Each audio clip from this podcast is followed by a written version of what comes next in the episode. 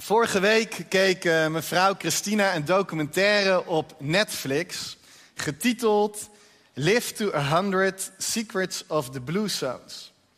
En in deze documentaire wordt het geheim onderzocht waarom in bepaalde gebieden van de wereld meer mensen 100 worden dan in andere gebieden. Waarom in bepaalde gebieden de gemiddelde leeftijdsverwachting hoger ligt dan op andere plekken. En ik was eigenlijk niet aan meekijken, ik was wat anders aan het doen. Maar op een gegeven moment begon die documentaire ook mijn aandacht te trekken. Toen op een gegeven moment de onderzoekers uh, vertelden dat de meeste hè, blue zones, blauwe zones, te vinden zijn in afgelegen gebieden, uh, ver weg, in hechte communities waar mensen nog wat eenvoudiger leven, waar hechte communities zijn en mensen een gezonde levensstijl naleven. Maar dat er opvallend genoeg ook een blauwe zone te vinden was in de Verenigde Staten. In op, in op het oog een hele gewone buitenwijk in de stad Loma Linda in Californië. En daar kwam uit het onderzoek dat vrouwen in dat gebied 4,4 jaar ouder worden dan andere Amerikanen en mannen zelfs 7,3 jaar ouder worden dan andere mensen in Californië. Hoe komt dat? De onderzoekers ontdekten dat in deze stad er een hoge populatie zevende dag Adventisten leefde. Dat is een internationale kerkelijke, uh, christelijke kerkgenootschap de zevende dag Adventisten, die leven significant hoger dan andere mensen. En op zich kwamen de onderzoekers erachter dat überhaupt geloof er al voor zorgt dat je levensverwachting langer is. Maar bij zevende dag Adventisten lag dat toch alsnog significant hoger dan bij andere christenen. En dat had twee redenen. Enerzijds staan zevende dag Adventisten erom bekend dat ze een gezonde levensstijl hebben. Gezonde voeding, ze drinken geen alcohol, veel groente, veel fruit. Uh, ze hebben gezonde voeding, een ge gezonde levensstijl. Maar anderzijds vallen zij op omdat zij, in tegenstelling tot de meeste christenen, de Sabbat nog steeds eren. Dus van vrijdagavond tot en met zaterdagavond leggen zij al hun werkzaamheden neer en komen zij als gemeenschap, als community tot rust. De dagen dat zij rust nemen, worden letterlijk terugverdiend in de dagen die toegevoegd worden aan hun levensduur. Het vieren van de Sabbat is het vierde gebod van de tien geboden. We zijn niet erg gewend om in deze kerk de tien geboden heel vaak te lezen, maar vanochtend gaan we dat toch doen. In ieder geval eentje het vierde gebod, Exodus 20, vers 8 tot en met 11. Lees het maar mee. Houd de Sabbat in ere. Het is een heilige dag. Zes dagen lang kunt u werken en al uw arbeid verrichten. Maar de zevende dag is een rustdag, die gewijd is aan de Heer uw God. Dan mag u niet werken. Dat geldt voor u, voor uw zonen en dochters, voor uw slaven en slavinnen, voor uw vee en ook voor vreemdelingen die bij u in de stad wonen. Want in zes dagen heeft de Heer de hemel en de aarde gemaakt en de zee met alles wat er leeft. En op de zevende dag rustte hij. Daarom heeft de Heer de Sabbat gezegend en heilig verklaard. Als we de tien geboden lezen, dan denken mensen heel snel dat het christendom draait om regeltjes, om wetten en geboden. Zo staan we ook heel vaak bekend in de maatschappij. Maar als we op zoek gaan naar het waarom, achter elk gebod wat God geeft in de Bijbel, dan ontdekken wij het liefdevolle, het goede hart van onze schepper. Onze God heeft het beste met ons voor. En ieder gebod in de Bijbel getuigt ervan. God wil dat het goed gaat met mensen. En dan vind ik het weer zo bijzonder dat duizenden jaren nadat God dit sabbatsgebod heeft ingesteld, wetenschappers tot de conclusie komen dat het houden van dit gebod ervoor zorgt dat mensen daadwerkelijk langer leven. Dat ze een beter leven hebben. God weet beter dan wij zelf wat goed voor ons is. Amen.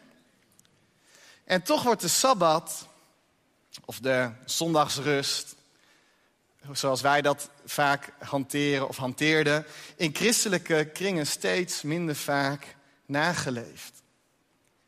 Je zou dit vierde gebod ook het vergeten gebod kunnen noemen.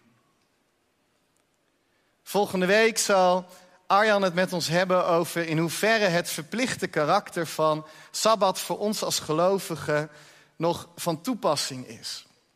Dat komt nog, maar buiten de vraag of de Sabbat een verplichting zou moeten zijn voor iedere gelovige, is de vraag interessant of de Sabbat niet een verlangen zou moeten zijn van iedere gelovige. Zouden wij niet vanuit de overtuiging dat God beter weet dan wij wat goed voor ons is, zijn geboden opvolgen, niet omdat het moet, maar omdat we Hem vertrouwen, omdat we het willen? Zijn we in het christendom van onze tijd niet iets van hele grote waarde kwijtgeraakt? Iets wat God in al zijn liefde en goedheid ons als cadeau heeft gegeven. Want laten we eerlijk zijn, laten we kijken naar onze maatschappij, naar de tijd waarin we leven. Een van de grootste problemen is onze mentale gezondheid. We horen het iedere dag. Zo blijkt uit een recent onderzoek van het RIVM dat maar liefst 47% van alle jongeren zich in de afgelopen maand vaak of zeer vaak gestrest heeft gevoeld. En voor volwassenen is dat niet heel anders. Ruim een kwart van de volwassenen geeft aan dat hij of zij dagelijks stress ervaart door werkdruk. En bijna de helft van alle volwassenen zegt dat inderdaad ook af en toe te ervaren. Deze cijfers zullen niemand verbazen. En we weten allemaal wat de destructieve gevolgen zijn van druk en stress. We zijn allemaal moe en gespannen. We kennen allemaal wel mensen in onze omgeving die overspannen zijn geraakt of in een burn-out terecht zijn gekomen. Misschien jij zelf wel. De wereld om ons heen draait voortdurend door. We leven in een 24-7 maatschappij. En we doen allemaal ons best om het tempo van de wereld waarin we leven bij te benen. Als je iemand vraagt, hoe gaat het met je? Dan is het antwoord stevast, druk, druk, druk. Toch? Toen ik deze zin aan het intypen was op mijn computer, hoorde ik op de gang van het kantoor iemand vragen hoe gaat het met je. En ik hoorde letterlijk zeggen, echt super druk man. Ik dacht, ja, bevestiging van wat ik nu net aan het typen ben. En weet je, we zijn niet eens per se druk met werk. Dat verbaast je misschien. Maar als je Nederland vergelijkt met andere Europese landen, dan werken wij minder dan de landen om ons heen. Als je Nederland vergelijkt met een eeuw geleden, dan werken we veel minder dan vroeger. Het was heel normaal rond 1900 dat je zes dagen per week werkte, 12 uur per dag. We zijn helemaal niet per se druk met werk. Tegenwoordig is een fulltime werkverband 40 uur. En ook dat wordt steeds minder de norm. Laatst hoorde ik iemand zeggen, ik werk fulltime, ik werk 28 uur. Dat is niet fulltime. Maar ons perceptie op werk verandert. Waarom ervaren we dan toch massaal druk en stress? Als we helemaal niet zoveel werken met elkaar. De reden is dat we voortdurend aanstaan. We rennen van het een naar het ander. Werk, studie, sportschool, kind ophalen uit de opvang, kind naar de zwemles, huiswerk maken, afspreken met vrienden, kerk, vrijwilligerswerk. We zijn erg dankbaar voor al onze vrijwilligers. En dan op het eind van de dag misschien nog vijf minuten tijd met je partner. We proppen onze dag vol. En we chasen van het een naar het ander. En tussendoor zorgen we er dan ook nog voor dat we continu in verbinding staan met de wereld waar we op dat moment niet kunnen zijn via onze mobiele telefoon. Vanochtend keek ik even op ad.nl, het eerste artikel, kopte Nederlanders hebben steeds minder seks en steeds minder goede gesprekken omdat ze de hele tijd op hun mobiele telefoon zitten. De mobiele telefoon is meer een last dan een lust. Misschien heb jij wel één, twee, drie, misschien heb je wel vier vrije dagen in de week. Omdat je parttime werkt. En zul je toch ervaren, ik ben altijd druk. Want mijn dagen zijn gevuld met activiteiten. Of het nou het huishouden is, of je mobiele telefoon, gamen of Netflixen. We zijn voortdurend bezig. Druk is in onze tijd synoniem geworden voor belangrijk. Door voortdurend bezig te zijn, laten we zien dat ons leven ertoe doet. Als we niet druk zijn, dan zijn we eigenlijk een beetje zielig. Dan heeft ons leven minder waarde. Het Sabbatsgebod is het enige gebod waarover we opscheppen als we die overtreden. Je zult nooit iemand horen zeggen, nou weet je wat ik gisteren heb gedaan? Ik heb iemand vermoord. Je zult ook niemand horen zeggen, ik denk dat ik vandaag even overspel ga plegen. Maar je hoort voortdurend mensen zeggen: Ik heb het zo druk, ik heb nergens meer tijd voor. Ik kom nergens meer aan toe. En we denken: Wow, die persoon heeft wel een erg belangrijk leven. En als we al een rustdag nemen, dan vullen we dat met activiteiten die ook nog even moeten gebeuren. De tuin, dat muurtje dat nog geverfd moet worden, de weekboodschappen die gedaan moeten worden. Op zich allemaal activiteiten die inderdaad moeten gebeuren, maar die geen voldoening geven. Die niet echte rust brengen. En daarom is mijn vraag vanochtend: wordt het geen tijd om Gods principes voor onze levens opnieuw serieus te gaan nemen? Omdat, nogmaals, Hij beter weet dan wij zelf wat goed voor ons is. Zou het niet veel beter zijn? Zou het niet veel beter met ons gaan als wij leren om te wandelen in het ritme van een almachtige God? Om te leren wandelen in het ritme van rust, wat onze schepper heeft ingesteld. Zelf werd ik me er jaren geleden bewust van dat ik een rustdag nodig had. Ik werkte zeven dagen per week. Ook in een kerk kan dat heel makkelijk, want er zijn altijd meer mensen, meer vragen, meer problemen dan in een week passen. Dus ja, ook in de kerk kan ik voortdurend aanstaan. En nadat ik dat een paar jaar had volgehouden, ging ik daar logischerwijs aan onderdoor. Ik dacht, het moet anders. Dus ik stelde voor mezelf een kerkloze dag in. En dacht dat ik niet met de kerk mag bezig zijn op geen enkele manier. Gewoon geen stadskerk. Op de andere zes dagen wil ik er zijn, maar die ene dag niet. Maar toen liep ik al gauw snel tegen het probleem aan. Welke dag wordt dat dan? Zondag in ieder geval niet. zondag is juist de dag dat ik mezelf wil geven aan de gemeente, waarin ik vaak moet dienen op verschillende plekken. Maar zelfs als dat niet hoeft en een keer een zondag vrij ben, dan alsnog komen vaak mensen naar me toe met vragen. En dat mag ook, dat is ook goed. Maar zondag is voor mij absoluut geen rustdag. Dan de zaterdag, de officiële sabbat. Zou dat beter werken? Op zich ging dat best redelijk. Ik kon best genieten van de dingen die je kon doen op een vrije zaterdag. Maar iedereen die wel spreekt, die weet dat als je zondag moet spreken, je de hele zaterdag bezig bent met dat woord wat je gaat brengen.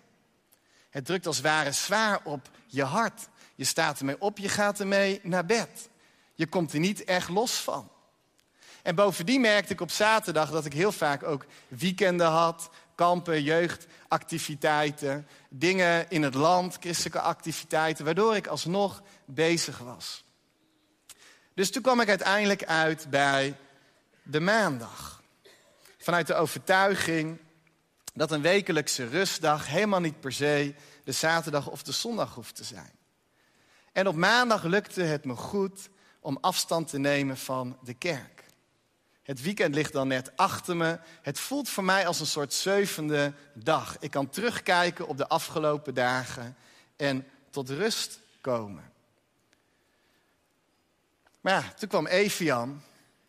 En Christina werkt op maandag. Dus maandag werd mijn papadag. En ik kan je vertellen, dat is geen rustdag.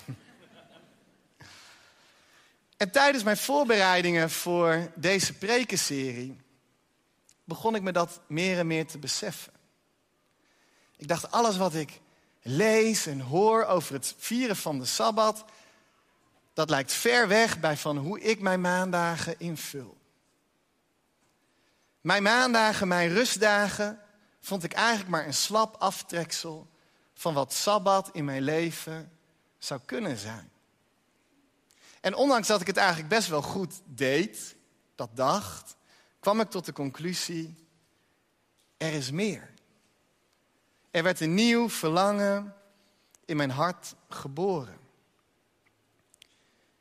Mijn verlangen voor ons als gemeente is dat we dat verlangen allemaal gaan krijgen. Dat we gaan ontdekken hoe God Sabbat heeft bedoeld.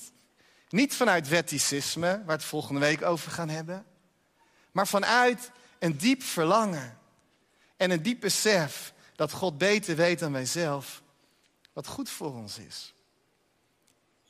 Ik heb het nodig. En ik denk dat jij het ook nodig hebt. Om het hart van God hierin te leren kennen en te leren begrijpen. We zien al in het gebod in Exodus 20 dat Sabbat haar oorsprong vindt in de schepping. En wist je dat het scheppingsverhaal in de Bijbel eigenlijk helemaal niet per se een heel uniek verhaal is?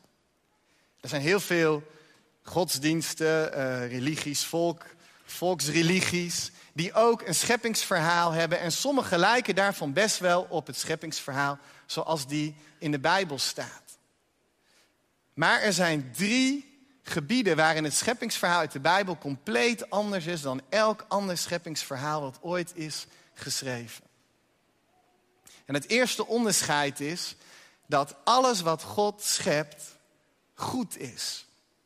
In andere religies zie je dat God ook slechte dingen schept. God heeft ook een slechte kant in andere religies. Maar wij dienen een goede God. En bij alles wat hij maakt, zegt hij op het einde van de dag: Het is goed. En God zag dat het goed was.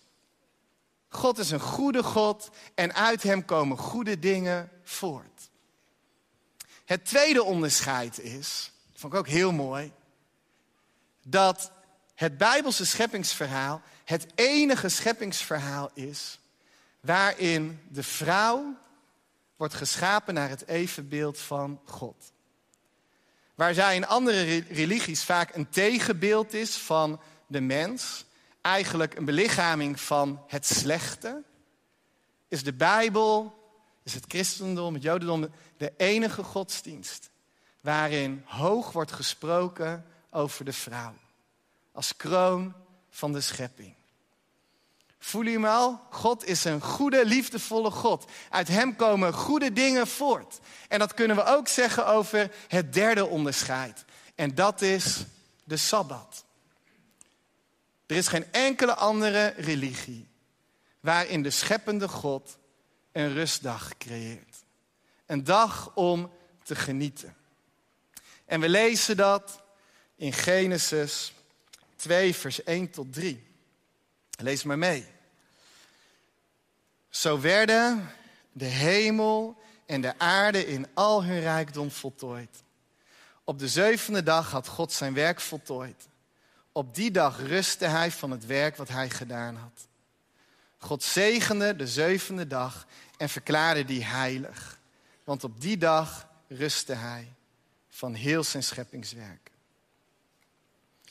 In zes dagen maakte God de hemel en de aarde, de zee, met alles wat daarin is. Maar op de zevende dag was hij klaar en rustte hij. Waarom, heb je dat wel eens afgevraagd? Waarom zou een almachtige God een rustdag nodig hebben? We lezen in Jesaja 40, vers 28. Een eeuwige God is de Heer, schepper van, hemel, van de einde der aarde. Hij wordt niet moe, hij raakt niet uitgeput. Waarom creëert God een rustdag? Waarom rust hij van zijn werk? Als hij nooit moe is. Als hij niet moe kan worden. Denk erover na. De schepping is natuurlijk super mooi en super uitgestrekt. Maar God heeft er helemaal niet zoveel voor hoeven doen. Hij sprak en het was er. Het is niet zo dat hij 24 uur lang met zijn handen bezig was en zijn hoofd moest gebruiken. Hij sprak en het was er. Waar moest God nou precies van rusten? Het Hebreeuwse woord wat hier gebruikt wordt voor rusten is Shabbat. En Shabbat betekent letterlijk stoppen of staken. God stopt met zijn werk. Hij staakt zijn werkzaamheden. God stopt. Hij kijkt. En hij geniet van alles wat hij heeft voortgebracht. Misschien kun je het beste vergelijken met hoe jij aan het eind van een klusdag of een dag tuinieren op het eind van de dag met een biertje kunt zitten op je stoel en kunt kijken naar alles wat je die dag hebt bereikt. Met een voldaan gevoel kunt genieten van datgene wat je tot stand hebt gebracht. Of misschien, hè, die fase zit ik zelf niet heel erg in, dat je gewoon soms alleen al naar je kind kunt kijken, gewoon vanaf een bankje in de speeltuin of in een park, en gewoon kunt genieten van wat hij doet. Je hoeft niks te doen. Je kijkt en je geniet. Vervolgens verklaart God deze zevende dag heilig. En dat raakte me. Want besef je dat het eerste wat God heilig verklaart in de Bijbel tijd is. Tot dit moment had God nog niks heilig genoemd. Waar in andere godsdiensten vaak een plek of een gebouw of een tempel heilig wordt genoemd, waar je naartoe moet gaan om in de aanwezigheid van God te komen, verklaart God geen plek heilig, maar tijd. Hij had van alles heilig kunnen verklaren. De berg of de zeeën of een mooi speciaal bos, van daar moet je zijn. Misschien grote dieren of indrukwekkende wezens. Of misschien zelfs de mens. Die de kroon op de schepping was. Maar van alles wat God gemaakt heeft in de schepping, verklaart hij een dag heilig. Als christenen hebben wij geen heilig gebouw. Het gaat niet om deze kerk. Het gaat niet om deze bakstenen, deze muren. Het stelt niks voor. Wij mogen ons verbinden met een heilige God door gewoon te wachten. En iedere week opnieuw komt die dag vanzelf. Elke zevende dag mogen wij stoppen, kijken, genieten. En daarmee ons verbinden met onze schepper God. God is een heilige God. En zijn dag is een heilige dag. Exodus 20 verklaart, deze dag is gewijd aan mij, zo zegt de Heer. Kortom, Sabbat is een dag van verbinding met God. En misschien dat velen voor jullie, van jullie zondag dus juist wel een hele mooie sabbatsdag kan zijn. Een dag die je begint in het huis van de Heer. Om Hem te ontmoeten en Hem te aanbidden. Maar misschien zijn anderen van jullie die net als ik denken, nou zondag is zeker geen rustdag voor mij. Laat je dan uitdagen om te zoeken welke dag dat wel mag zijn. Een dag waarin je je ten volle kunt verbinden aan jouw schepper. Maar Sabbat is niet alleen een dag van verbinding met God. Sabbat is ook een dag van verbinding met jouw huis. Met jouw gezin. Met jouw geliefde, je vrienden, je familie.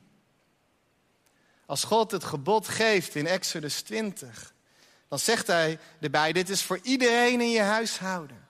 Dit is ook voor je zonen en ook voor je dochters. En ook voor je slaven en voor je slavinnen. Het is zelfs voor je vee, dus ook voor jullie huisdieren. Rust met heel je huis. Zoals God rustte. Ik besef me dat ik er nog niet ben. Dat er nog veel te ontdekken is als het gaat om het vieren van de Sabbat. Dat ik nog iets van waarde mag uitpakken wat God me gegeven heeft. En ik wil me daarnaar uitstrekken. Ik wil daarin leren. En niet alleen. Christine en ik zijn al tot de conclusie gekomen dat wij inderdaad een gezamenlijke Sabbatsdag willen als gezin. En we zijn al een beetje aan het experimenteren wat daarin goed werkt. Waar we verbinding door ervaren met elkaar en met God. Waardoor we verbinding varen met het leven en met de schepping zoals God die gemaakt heeft. We proberen onze agenda's om te gooien en aan te passen, zodat we een moment kunnen vinden waarin wij kunnen stoppen, kunnen kijken en kunnen genieten. Van God, van elkaar, van onze zoon. En we willen ontdekken welke invulling we deze dag mogen geven. En mijn vraag is aan jou. Wil jij samen met ons de komende weken, als we deze prekenserie behandelen, wil jij je samen met ons openstellen om te leren wandelen in het ritme van rust van onze schepper God? Jij wordt uitgenodigd en zelfs opgedragen. Om het voorbeeld van God in de schepping te volgen. Hij bouwde een ritme in. Zes dagen zul je werken. En laat je ook niet tegenhouden om in die zes dagen dan ook alles te geven. Dat mag. Maar die ene dag, de zevende, stop je. Kijk je en geniet je. Heel bewust van Gods schepping, van jouw leven daarin, maar bovenal van God. Halleluja. Amen. Zullen we samen bidden?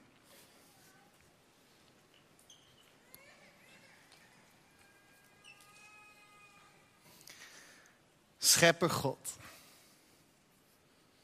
We prijzen uw naam. U bent een goede God. Heer, als we stilstaan hoe, hoe u bezig bent geweest met het creëren van de hemel en de aarde en de zee en alles wat daarin is, dan raken we onder de indruk hoe uw goedheid en uw liefde vanaf het allereerste moment zichtbaar werden. Dank u wel dat het ook zo mooi zichtbaar wordt in de Sabbat. Heer, en we vragen uw vergeving voor hoe we met deze dag zijn omgegaan. Misschien in het verleden al door heel weticistisch ermee om te gaan. Dat het eerder een vervelende dag was dan een dag om te genieten. Maar misschien in deze tijd wel als een dag die we geheel verwaarlozen. Waar we altijd maar druk zijn en altijd maar bezig zijn. Heer, we willen tegen u zeggen dat we ons door u willen laten verzorgen. U mag voor ons zorgen. Leer ons om te komen in het leven wat u voor ons heeft. Leer ons om te wandelen in het ritme van rust. zoals u dat heeft bedacht.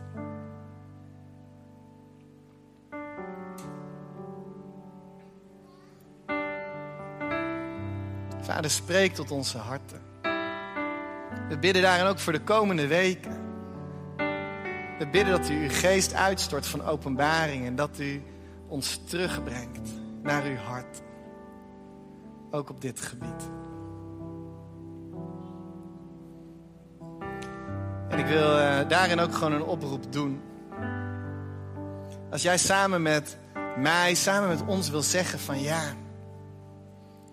ik wil dit ook gaan ontdekken. Dat ritme van rut, rust, dat stoppen, dat kijken, dat genieten, ik mis dat ook in mijn leven. Wil je dan gewoon je hand opsteken naar God, waarmee je zegt, Heer, laat het aan mij zien, openbaar het, leer mij daarin. Ik wil met u onderweg gaan daarin. Steek je hand maar op, zodat we ook een keuze kunnen maken, allereerst met onze harten naar God. Dank u, Vader. U ziet onze handen en u ziet onze harten. Breng ons naar die plek waar u ons hebben wil. Maak ons gezond. Zegen onze levens. Door te komen in dat ritme van rust. Zoals u het heeft bedoeld. En ik zegen jullie zo allemaal in de naam van God de Vader.